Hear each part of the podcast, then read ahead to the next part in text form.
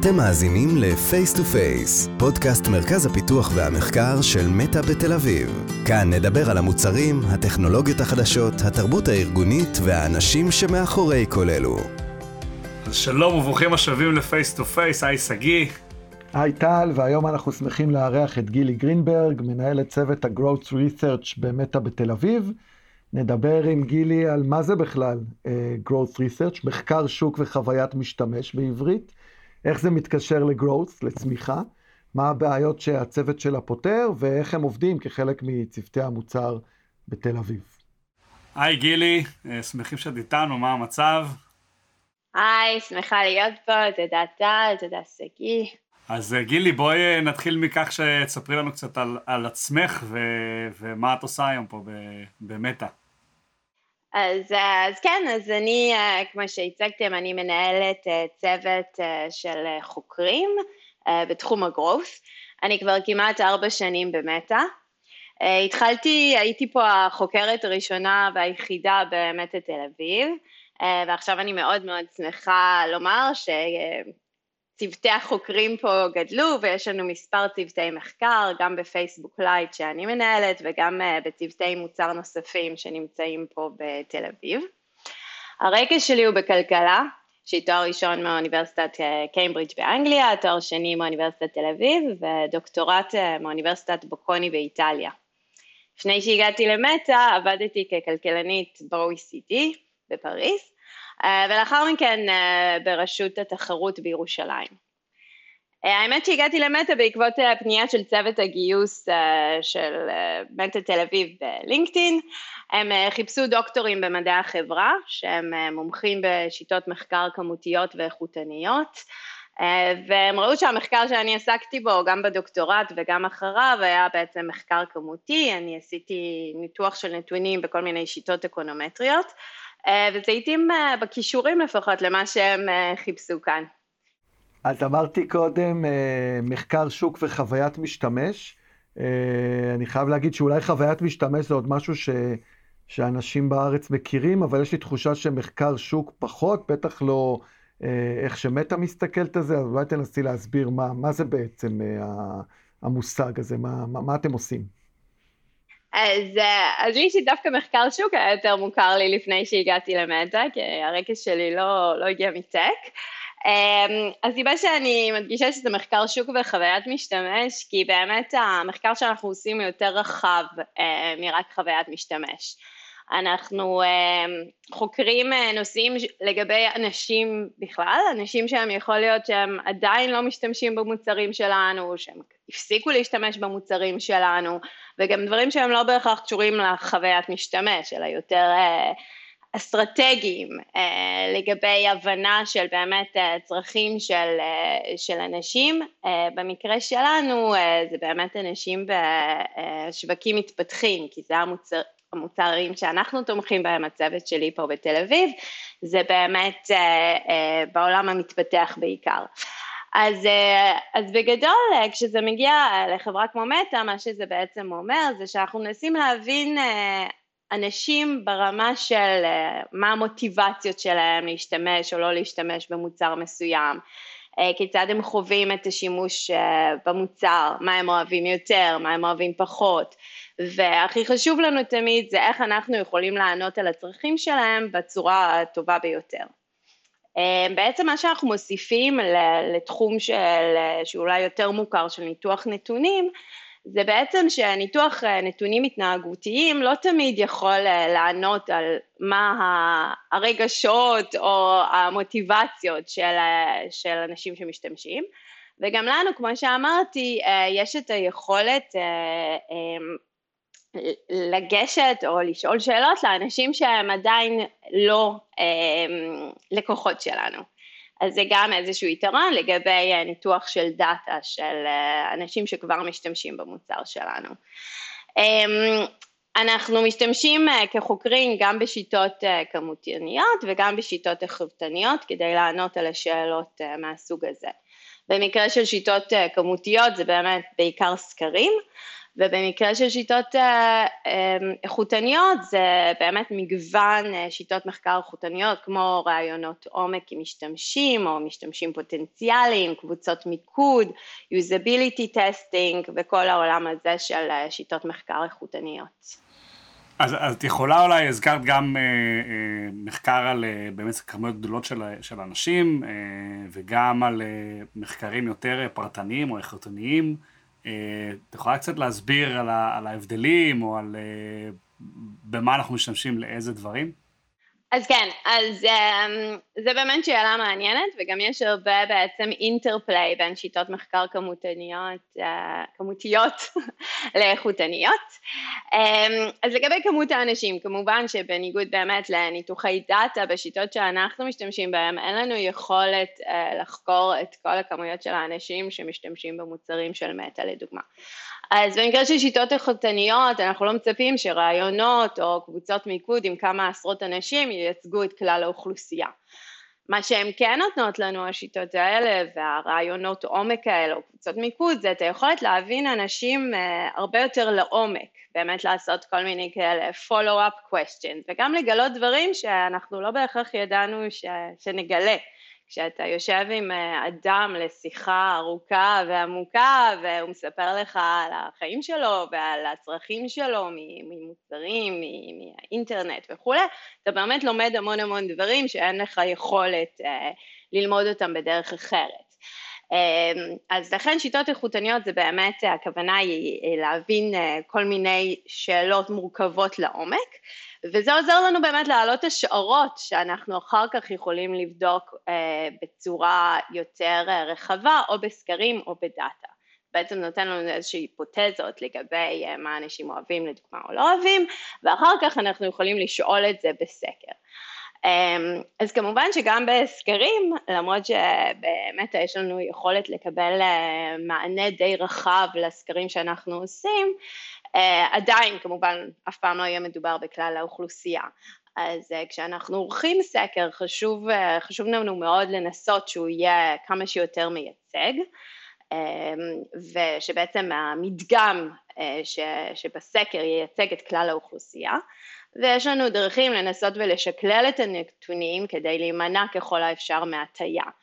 אה, וגם כמו כל אה, חוקר טוב אנחנו תמיד מאוד מאוד זהירים כשאנחנו אה, מציגים את התוצאות של מחקר שאנחנו עושים ואנחנו מסבירים את המגבלות שלו, עד כמה הוא מייצג או לא וכולי. אז, אז זה בעצם הדרך שלנו לעשות מה שנקרא to generalize את התוצאות שלנו לכלל האוכלוסייה במסגרת המגבלות של כלי המחקר האלה.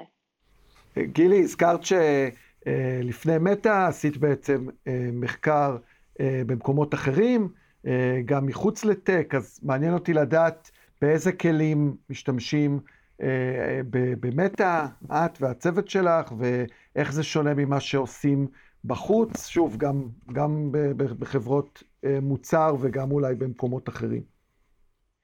אז, אה, אז כמו שאמרתי, באמת אה, הכלים זה סקרים ומגוון שיטות איכותניות.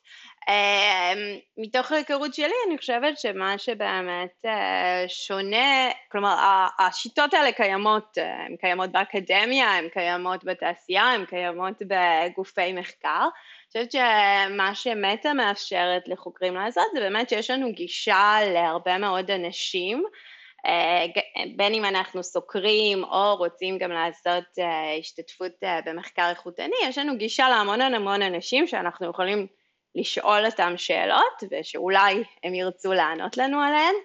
אה, ובאמת יש, אה, יש כלים פנימיים שבעצם כשאני רוצה אה, לערוך סקר אני יכולה להריץ אותו בתוך האפליקציה עצמה לדוגמה ואני לא יודעת אם מישהו מהמאזינים חווה את זה שהוא מקבל כזה בנר ושואל ואומר היי גילי או היי סגי would you like to answer some questions? אנחנו לא החברת מוצר היחידה שעושה את זה ודאי אתם רואים כאלה פופ-אפים לסקרים בכל מיני מוצרים היום ש, שקיימים ברשת, אה, אבל באמת אה, בגלל הסקייל של מטא וזה שיש לנו המון המון אנשים שמשתמשים במוצרים שלנו, אז יש לנו יכולת לאסוף כמות הרבה יותר גדולה של תשובות לסקרים שלנו, שזה כמובן עוזר לדייק, כמו שדיברתי על הטיה וכולי, אז כל מי שעורך מדגמים יודע שככל שהמדגם יותר רחב הוא יותר עשוי לייצג את האוכלוסייה. ו- ולכן זה מאוד, זה מאוד נוח כחוקר שיש לך את הגישה הזאת באמת לסקור הרבה מאוד אנשים.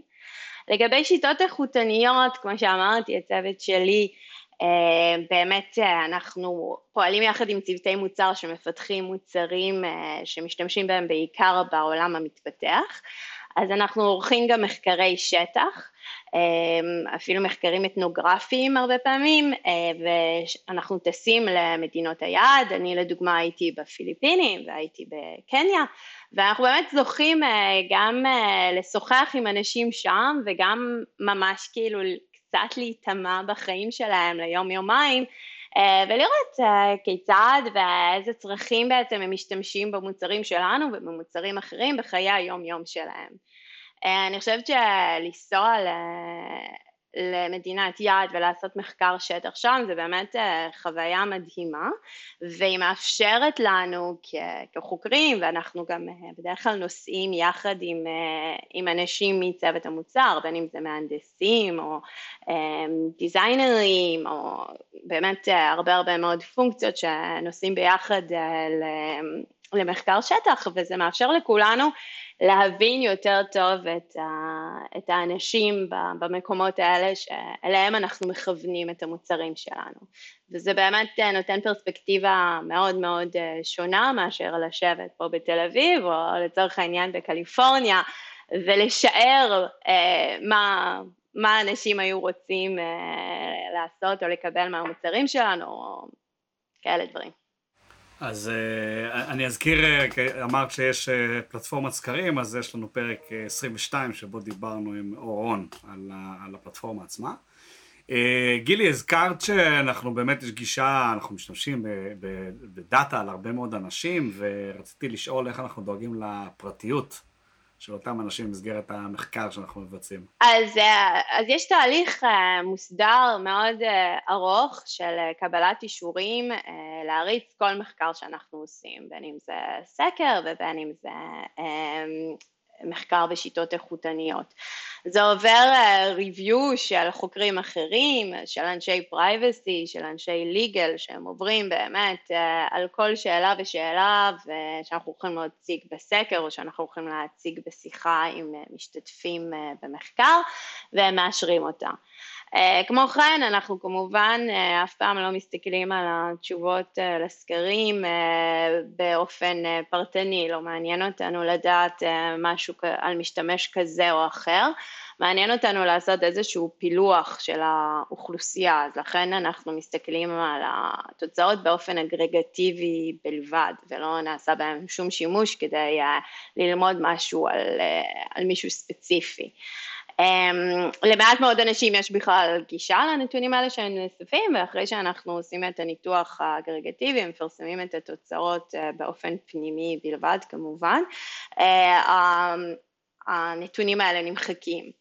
Uh, במקרים של השתתפות במחקר איכותני יש חוזים מאוד מאוד מפורטים שנחתמים uh, בינינו או בין הסוכנויות שעורכות עבורנו את המחקרים או מגייסות את המשתתפים במחקר ושמבהירים היטב מהם תנאי המחקר. ושוב גם במקרה כזה לא נעשה שום שימוש בממצאים של הרעיונות האלה עם המספר משתתפים כדי ללמוד משהו על משתתף כזה או אחר אלא באמת בשביל לקבל איזושהי תמונה כללית על אה, תמות ש... שאנחנו יכולים להשליך מהן על, אה, על כלל אוכלוסיית האנשים או המשתמשים שהיינו רוצים להבין. אז, אז דיברנו עד עכשיו מאוד כזה היי-לבל, אנחנו עושים מחקר, אנחנו מדברים עם אנשים, אולי ככה תתני לנו כמה דוגמאות לבעיות אמיתיות שהצוות אה, עזר אה, להתמודד איתם. אה, אולי באמת עדיף דברים שממש אה, מתל אביב ככה נחקרו ו- ונפתרו. אז, אז בטח היה לכם פה בפודקאסט הרבה אנשים מפייסבוק Lite, שהסבירו מה זה פייסבוק Lite ומה המוצרים שאנחנו מפתחים פה בתחום של Lite interfaces. אז באמת הצוות חוקרים שאני מנהלת אה, עובד עם צוותי Lite ולכן באמת אה, עיקר הפוקוס של המחקר זה העולם המתפתח. אמ, אז אה, באמת האנשים בעולם המתפתח אה, בכל מה שמגיע לטכנולוגיה ובכלל הם חיים בעולם שהוא מאוד מאוד שונה מהעולם שלנו. ולכן אה, אני חושבת שכחוקרת שעובדת על המוצרים האלה יש לי הרבה מאוד סיפוק שאנחנו באמת יכולים להביא פרספקטיבה לגבי האנשים האלה או המשתמשים האלה שאני חושבת שהיה מאוד קשה אה, לשער או להבין ללא, אה, ללא מחקר. אז אה, אנחנו באמת מבינים גם צרכים, גם רגישויות, גם התנהלות של, של אנשים בעולם המתפתח ודוגמה לזה זה בעיה שאנחנו יודעים שקיימת, לא, זה לא בעיה, זה פשוט אה, איזושהי תופעה שקיימת בעולם המתפתח, שאנשים אה, חולקים אה, מכשירי טלפון. לא, לא, אז כלומר בעצם זה לא בן אדם מכשיר, כמו שברור לכולנו בדרך כלל פה, זה באמת... או בן אדם עם כמה מכשירים. או בן אדם, זה גם לפעמים קורה שם, אבל כן, זה לא, אין את הפונקציה החד-חד ערכית הזאת של בן אדם מכשיר. אז ברגע שבעצם מבינים את זה, אז, אז רואים שבאמת לאנשים שם יש רגישויות לגבי האנשים האחרים שמשתמשים במכשיר, איך, האם יהיה להם גישה לראות מה קורה אצלי בחשבון הפייסבוק, אצלי בחשבון המסנג'ר וכולי. אז באמת צריך אה, לחשוב בצורה יצירתית, להבין קודם כל את הרגישויות האלה, ולחשוב בצורה יצירתית איך אה, לפתח פתרונות, כדי שבאמת אנשים ש... שחולקים מכשירים יוכלו to log in ו-to log out בצורה קלה ו... ואיך לעזור להם באמת אה, לזכור את הסיסמה כל פעם, כי אני מניחה ש... רובנו לא באמת כל יום אה, צריכים to log in ו-log out, ואנחנו פשוט כאילו, זה מאוד טבעי שזה מותקן לנו לטלפון ואף אחד לא יראה מה שקורה שם. אה, אז לדוגמה זה אה, דברים ש, שמחקר יכול לעזור איתם, להבין את הרגישויות, לנסות כל מיני פתרונות ולסייע לאנשים בעניין הזה. וגם עוד דוגמה זה ששוב, זה במיוחד בישראל, אני חושבת כבר אנחנו אה, לא מכירים את זה, אבל שיש אה, יכולת מאוד מוגבלת אה, לרכוש חבילות גלישה. כלומר, בין אם העובדה היא ש, שאתה גר נורא רחוק מהקיוסק שמוכר את החבילת גלישה, או בין אם פשוט אין לך באמת תקציב לזה. אז, אז שוב, אנחנו מנסים להבין איך אנשים מתנהלים עם הנתונים הסלולריים שלהם, אה, איך הם, אה, מה הם מתעדפים כשהם אה, משתמשים בנתונים סלולריים וגם איך אנחנו במוצרים שאנחנו מפתחים ברמה הטכנית יכולים ליצור מוצרים שהם יותר חסכניים בנתונים סלולריים ואיך אנחנו יכולים לעזור לאנשים אולי לגלות איפה יש נקודת וי-פיי, איפה הם יכולים להתחבר לאיזה hotspot, כל מיני דברים כאלה. אז אז שוב, זה באמת משהו שהוא מאוד ספציפי לאוכלוסיות שאנחנו משרתים, ושוב, מחקר עוזר אה, להבין איזה פתרונות צריך לפתח, מה אנשים בכלל ירצו להשתמש בו ומה באמת הרגישויות. אמ, דוגמה למשהו שנעשה אה, בצוות היותר רחב שלי, אני והצוות שלי שייכים אה, לצוות יותר רחב שיושב במנלו פארק, אה, שם היה מחקר שבאמת ניסה להבין מדוע נשים הודיות, זה משהו שראינו בנתונים, נשים הודיות לא מעלות תמונת פרופיל של עצמן אה, לפייסבוק, הן מעלות פרח או משהו כזה, אה, ואנחנו באמת בפייסבוק מאוד רוצים ש...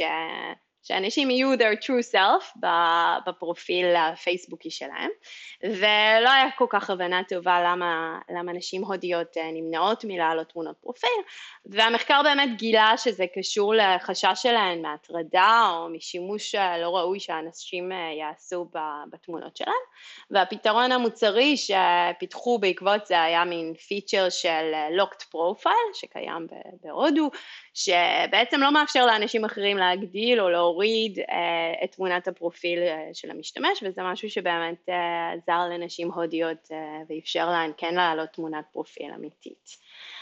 יש המון המון תחומים מעניינים, גם אנחנו יודעים שהרבה מהאנשים שמשתמשים במוצרים שלנו הם לא נמצאים באינטרנט או הם לא מאוד מה שנקרא, לא תמיד מאוד tech savvy, כלומר יש להם איזשהו אה, digital literacy שהוא יותר מוגבל, ולדוגמה גם ראינו ש... שליצור חשבון פייסבוק עם כל השאלות שאנחנו שואלים, אה, אז אנשים מקבלים תגובות כזה שאנשים אומרים שהיה להם יותר קל אה, לפתוח חשבון בנק מאשר לפתוח אה, חשבון פייסבוק, והם לא מבינים בשביל מה צריך את כל המידע הזה ואיך בדיוק לענות, אז שוב, זה באמת משהו ש... ש, שמעלה למודעות שצריך לפשט את התהליך של אה, לפתוח חשבון לדוגמה ושוב אנחנו עובדים בשטח, אנחנו עובדים גם עם הצוותי מוצר ואז מביאים לשטח ומנסים כל מיני פתרונות אה, מול אה, משתתפים במחקר כדי להבין באמת איפה בדיוק הם נתקעים, מה, מה קשה ואיך אנחנו יכולים אה, לסייע להפוך את התהליך הזה לפשוט יותר. ולסיום יש את כל השאלות הגרופיות הטיפוסיות, מה מה אנשים אוהבים, למה אנשים באים אלינו, מה, למה הם אוהבים להשתמש במוצר שלנו, למה הם לא אוהבים להשתמש במוצר שלנו, למה הם מפסיקים להשתמש, כיצד היינו יכולים לעודד אותם להשתמש, אה, כל השאלות האלה שבאמת קשורות אה, לגרוף, גם אותם אנחנו אה, עושים מחקר שתומך בלנסות להבין אותם. כן, אז, אז הזכרת פה הרבה growth, ובפרק 8 דיברנו עם דניה על, על גרוס, ונשמע שיש המון, המון אה, ממשקים פה, אז אם את יכולה קצת אה, להעמיק על איך, איך שני הצוותים האלה עובדים ביחד. אז, אמ, אז כן, אני חושבת שבאמת אה, אנחנו עובדים הרבה עם כל הצוותים, עם כל הפונקציות, כולל הפונקציה של באמת product אה, growth. אני חושבת ש-product growth, כאילו בפריזמה שאני מסתכלת מה שהם עושים, מסתכלים על הרבה מאוד אה, משפכים, funnels, אז לדוגמה באמת יש שם המון ניתוחים של איפה אנשים נתקעים או נושרים לנו, ב, נגיד ב-registration funnel. ואני חושבת שהיה מחקר שירה שכאילו ראינו בנתונים שהמון אנשים כאילו נופלים על הקטע של ה-date of birth uh, באפריקה לדוגמה. וזו הייתה שאלה שבאמת uh, לא הייתה ברורה מה, מה קורה שם, ושוב זה היה משהו שנעשה על ידי קולגות שלי במנלו פארק, ונסיעה לאפריקה ומחקרים שנעשו, הראו שהתפיסה של uh, תאריך לידה באפריקה היא מאוד שונה מכאן, אנשים אה, לא תמיד יודעים את החודש, את היום, אה, זה יותר מצוין על ידי כל מיני אירועים, כשאובמה היה בביקור בקניה, זה מתי שנולדתי, ו- ולכן כאילו מחשבות כמו לשנות במקום לבקש את ה-date of birth, אלא לבקש את הגיל, אנשים כן יודעים את הגיל שלהם, אבל לא בהכרח את, ה- את התאריך, או גם אפילו דברים של... אה, של UI, כאילו האם זה עם גלגלת כזאת, כמו שאנחנו רגילים לבחור תאריכים מימים, האם זה קשה אה, לאנשים שהם לא כזה מיומנים בזה, האם אה, יש דרך אחרת, אה, לעזור להם אה, להכניס את הנתונים האלה. אז לדוגמה באמת הצוות של דניה רואה איפה יש בעיות כאילו ב-user acquisition, לדוגמה האם זה קשור ל-registration funnel ואנחנו יכולים לעזור לפתור את זה. אה, שוב, גם הצוות של product growth מסתכל על, אה, על churn, אה, ומסתכל על אה, early retention וכל מיני דברים כאלה, ששוב גם אנחנו מנסים להבין, אנשים שמפסיקים להשתמש, מדוע הם מפסיקים להשתמש, כאילו אנחנו יכולים, יש לנו גישה גם לאנשים שהפסיקו להשתמש, יכולים אה, אה, אה, לנסות ולשאול אותם שאלות למה הפסקתם, אנשים שהם באמת בשלבים ראשונים של השימוש, לראות איך החוויה שלהם, מה יעודד אותם להישאר, במה הם מתקשים, מה מה הם חושבים בכלל על המוצר שלנו. אז באמת יש הרבה, הרבה מאוד, אה, הרבה מאוד ממשקים, כי אנחנו באמת עוסקים אה, בהמון שאלות שהן growthיות, של acquisition, של retention, של אה, מניעת churn וכל העולם הזה. אז, אז זה בעצם הממשק עם, עם צוות ה-growth, מה לגבי צוותי המוצר, הזכרת Lite, יש קבוצה מאוד גדולה שעובדת על Lite, מנהלי מוצר, אה, מנהלי פיתוח, אה, מפתחים, איך, איך, איך בעצם העבודה איתה, מי, מי קובע בעצם מה חוקרים, אה, למי את מציגה את הממצאים, אולי, אולי אנשים יתעניינו בלהבין את, את הסימביוזה הזאת. אז בעצם אה, כמו כל פונקציה אחרת, כמו מהנדס, כמו מעצב, כמו content uh, designer uh, וכמו פולט גרוס, גם אנחנו, גם חוקר הוא חלק מצוות מוצר.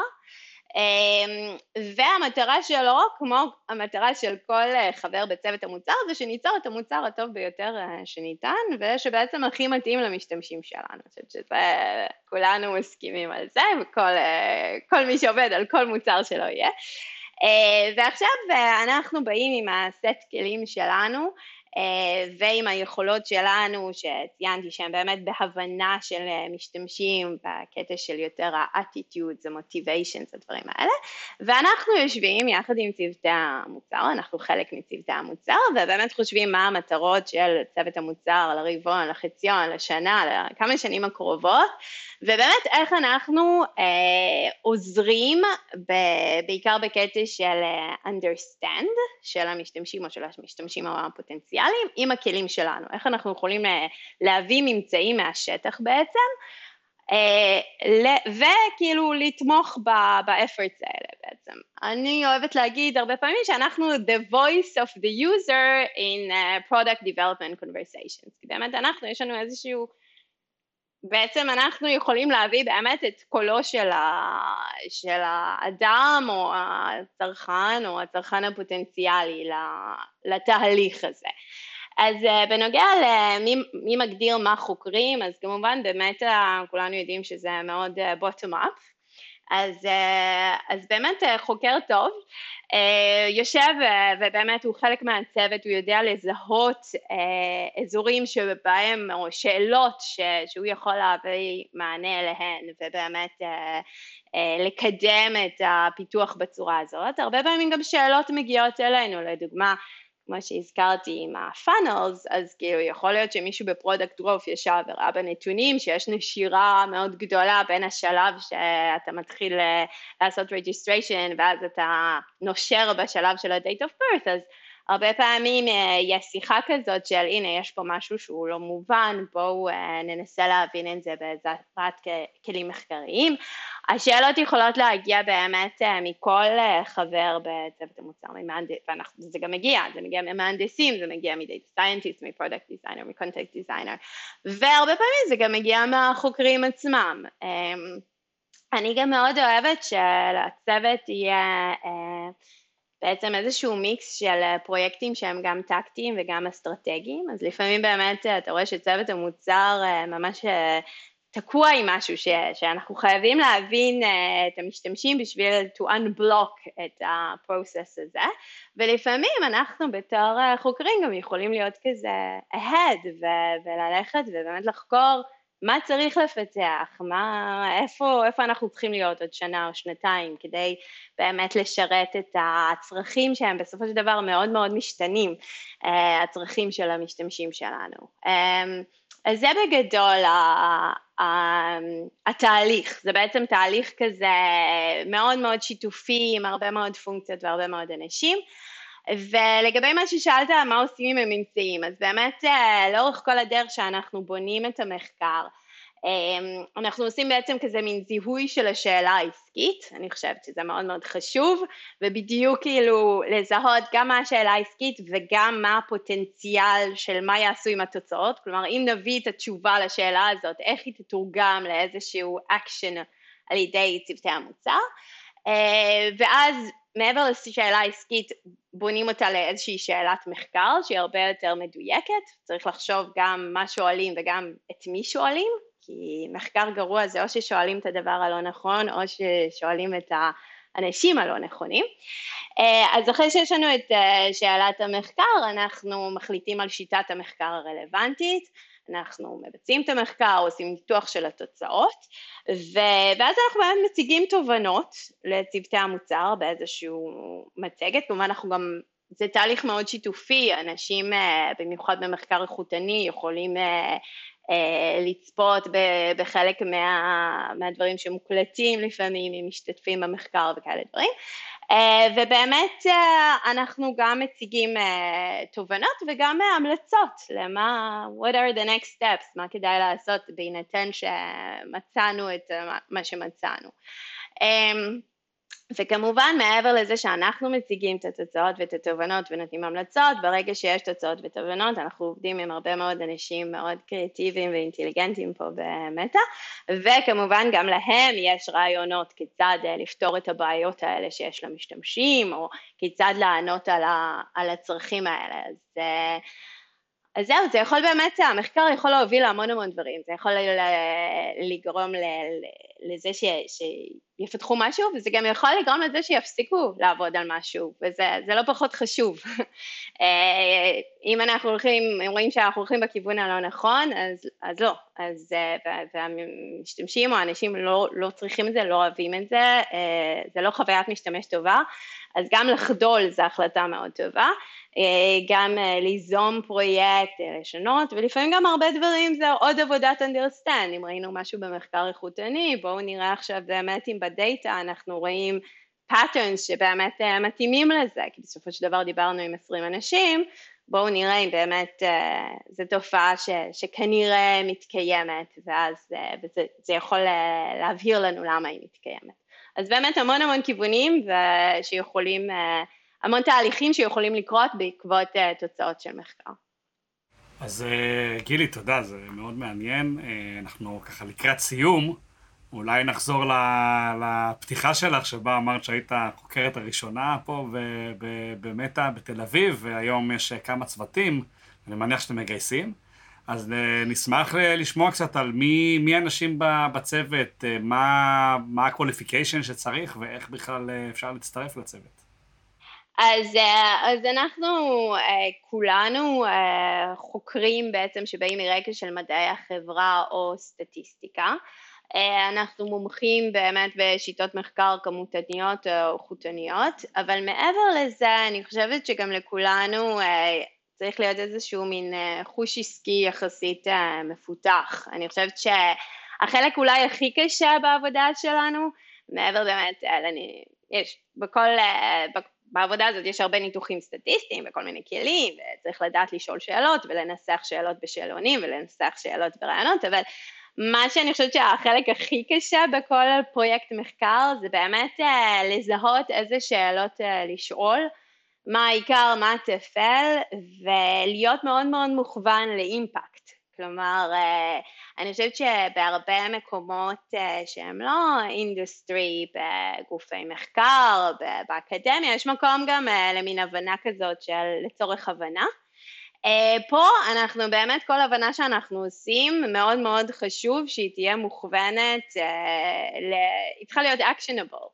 אז אני חושבת שזה מאוד מאוד חשוב, החוקרים שאנחנו מגייסים הם גם חוקרים מעולים, הם גם אנשים שהם כמובן טכנית אה, מאוד מאוד אה, מוכשרים בכל השיטות מחקר, אבל גם יש להם את היכולת הזאת אה, להבין מראש ולזהות, כמובן כי יש לנו resources מוגבלים ו- וכל מחקר הוא בעצם דבר די סבוך שלוקח לא מעט זמן ולכן צריך לדעת uh, להתפקס על השאלות הנכונות שבאמת uh, ידעו uh, uh, להביא לאימפקט.